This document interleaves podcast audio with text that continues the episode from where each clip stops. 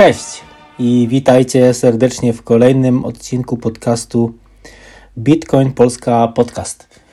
Dzisiaj e, chcę Wam nagrać pierwszą z dwóch części troszkę dłuższego artykułu tym razem, ale jakże potrzebnego i jakże aktualnego.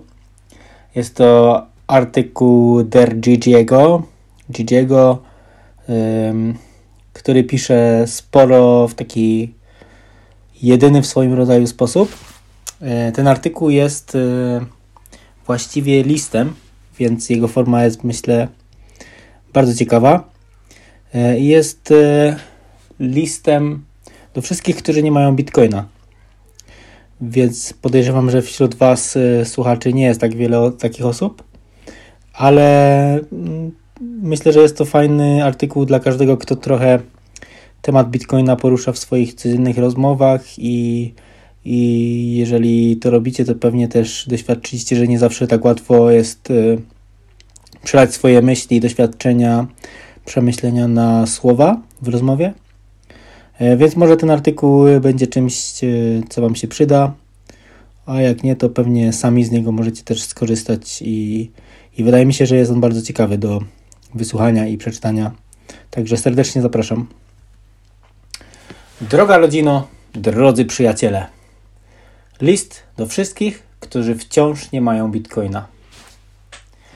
Piszę ten list, ponieważ jestem przekonany o dwóch rzeczach. Jeden, nasze obecne pieniądze są fundamentalnie zepsute. I dwa, używanie lepszych pieniędzy przyniesie korzyści Tobie w szczególności i ogólnie społeczeństwu w dłuższej perspektywie. Pieniądze to drażliwy temat. Większość ludzi nie lubi o nich rozmawiać, albo dlatego, że mają ich mało i się wstydzą, albo dlatego, że mają ich dużo i się boją. Jeszcze mniej osób wie cokolwiek o naturze naszych pieniędzy, co jest dość szokujące. W końcu pieniądze to podstawowe narzędzie naszej cywilizacji. Świat zmienił się drastycznie w ciągu ostatnich kilkudziesięciu lat podobnie jak świat pieniądza. Obawiam się jednak, że podstawowa natura naszego systemu monetarnego nie zmieniła się na lepsze. Sam fakt, że rządy na całym świecie wyczarowują tryliony przez T dolarów z powietrza, świadczy o tym, jak bardzo nasz system monetarny jest oderwany od rzeczywistości. Mam nadzieję, że ten list zasieje ziarno lepszej przyszłości lepszą przyszłość dla Ciebie osobiście i lepszą przyszłość dla nas wszystkich. Po części piszę do Was, ponieważ martwię się o to, co dopiero nadejdzie. A jednak mam nadzieję, ponieważ tym razem mamy wyjście. Mamy plan B. Plan B. Prawdopodobnie już słyszałeś o Bitcoinie. Jest to poniekąd uznana już marka, często pojawiająca się w głównych serwisach informacyjnych, w telewizji, patrzę na ciebie, CNBC, i przywoływana w popkulturze. The Simpsons, Mr. Robot, Silicon Valley, The Big Bang Theory, Grey's Anatomy, Family Guy i ponownie The Simpsons. Cokolwiek wiesz lub myślisz, że wiesz o Bitcoinie, jest w nim coś więcej niż ci się wydaje. Bitcoin to przyszłość pieniądza. Podczas gdy o bitcoinie w mediach głównego nurtu mówi się dość dużo, to czym jest bitcoin i jaka będzie jego rola w świecie jest nadal szeroko niezrozumiane. Jednak częściowo dzięki coraz bardziej lekkomyślnym interwencjom monetarnym Fedu i podobnych instytucji, nawet narracja głównego nurtu zaczyna się zmieniać. Bitcoin nie jest już synonimem przestępczości i pieniędzy z darknetu. Dziś coraz bardziej staje się synonimem zdrowego pieniądza, zabezpieczeniem przed obecnym systemem i głosem za wolnością, innym paradygmatem.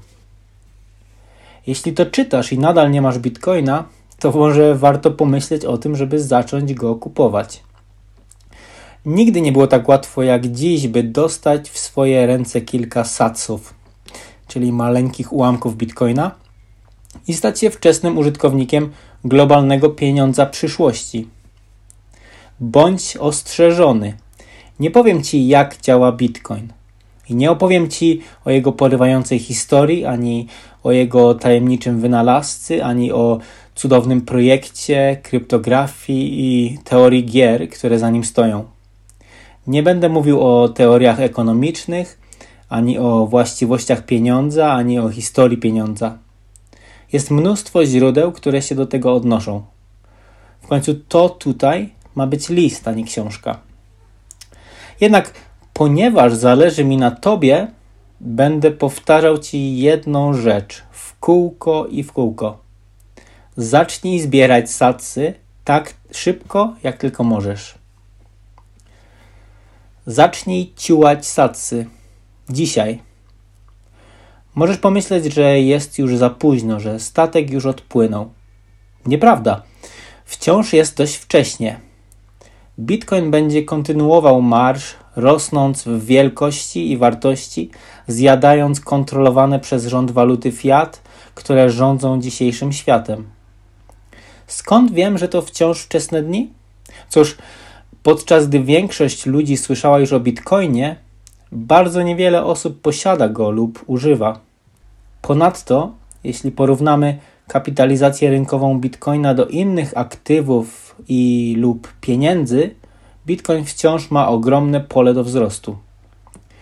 W chwili obecnej kapitalizacja rynkowa Bitcoina wynosi około 137 miliardów dolarów.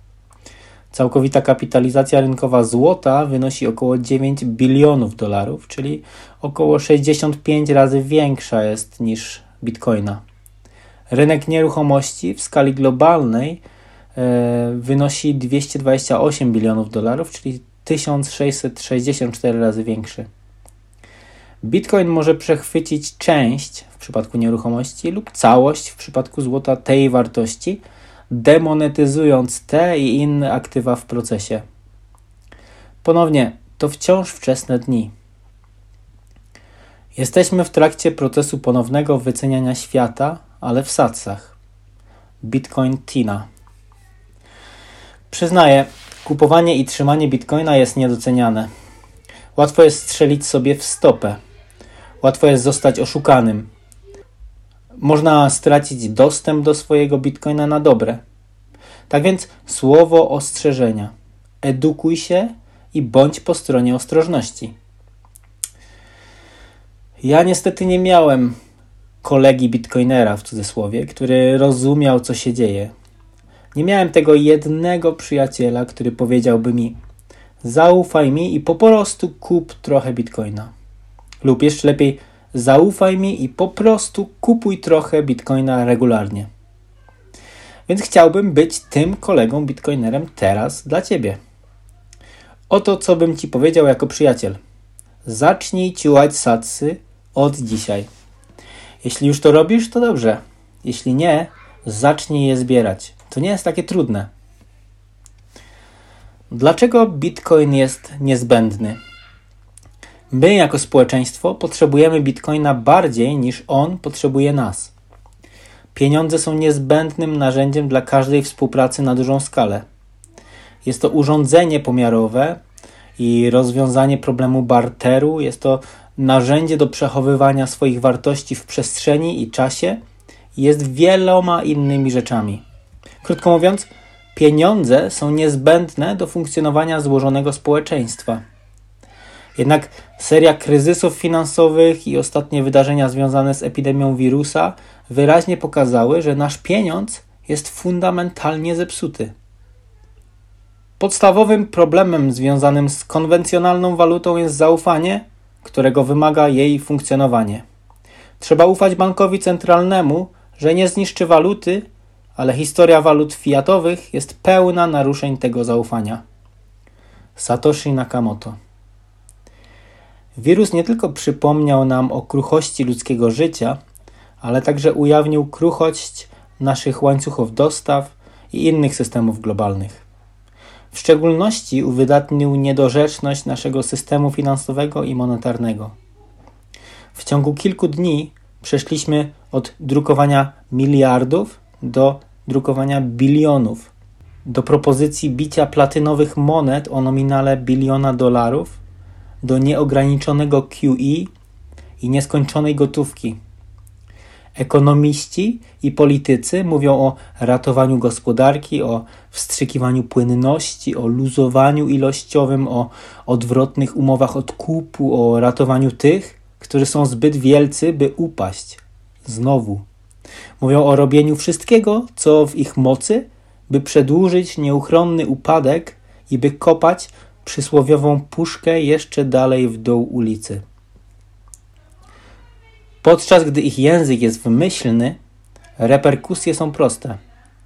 Podstawowe narzędzie naszej cywilizacji zostaje wygięte i zniekształcone. I hiperinflacja jest tym, co się dzieje, gdy to narzędzie w końcu pęka pod ciągłym naciskiem. Hiperinflacja czy nie, reperkusje dla jednostki są zawsze takie same. Pieniądze, które oszczędzasz, ulegają dewaluacji. Ich siła nabywcza maleje. I nie ma znaczenia, czy pieniądze leżą pod materacem, czy na koncie bankowym.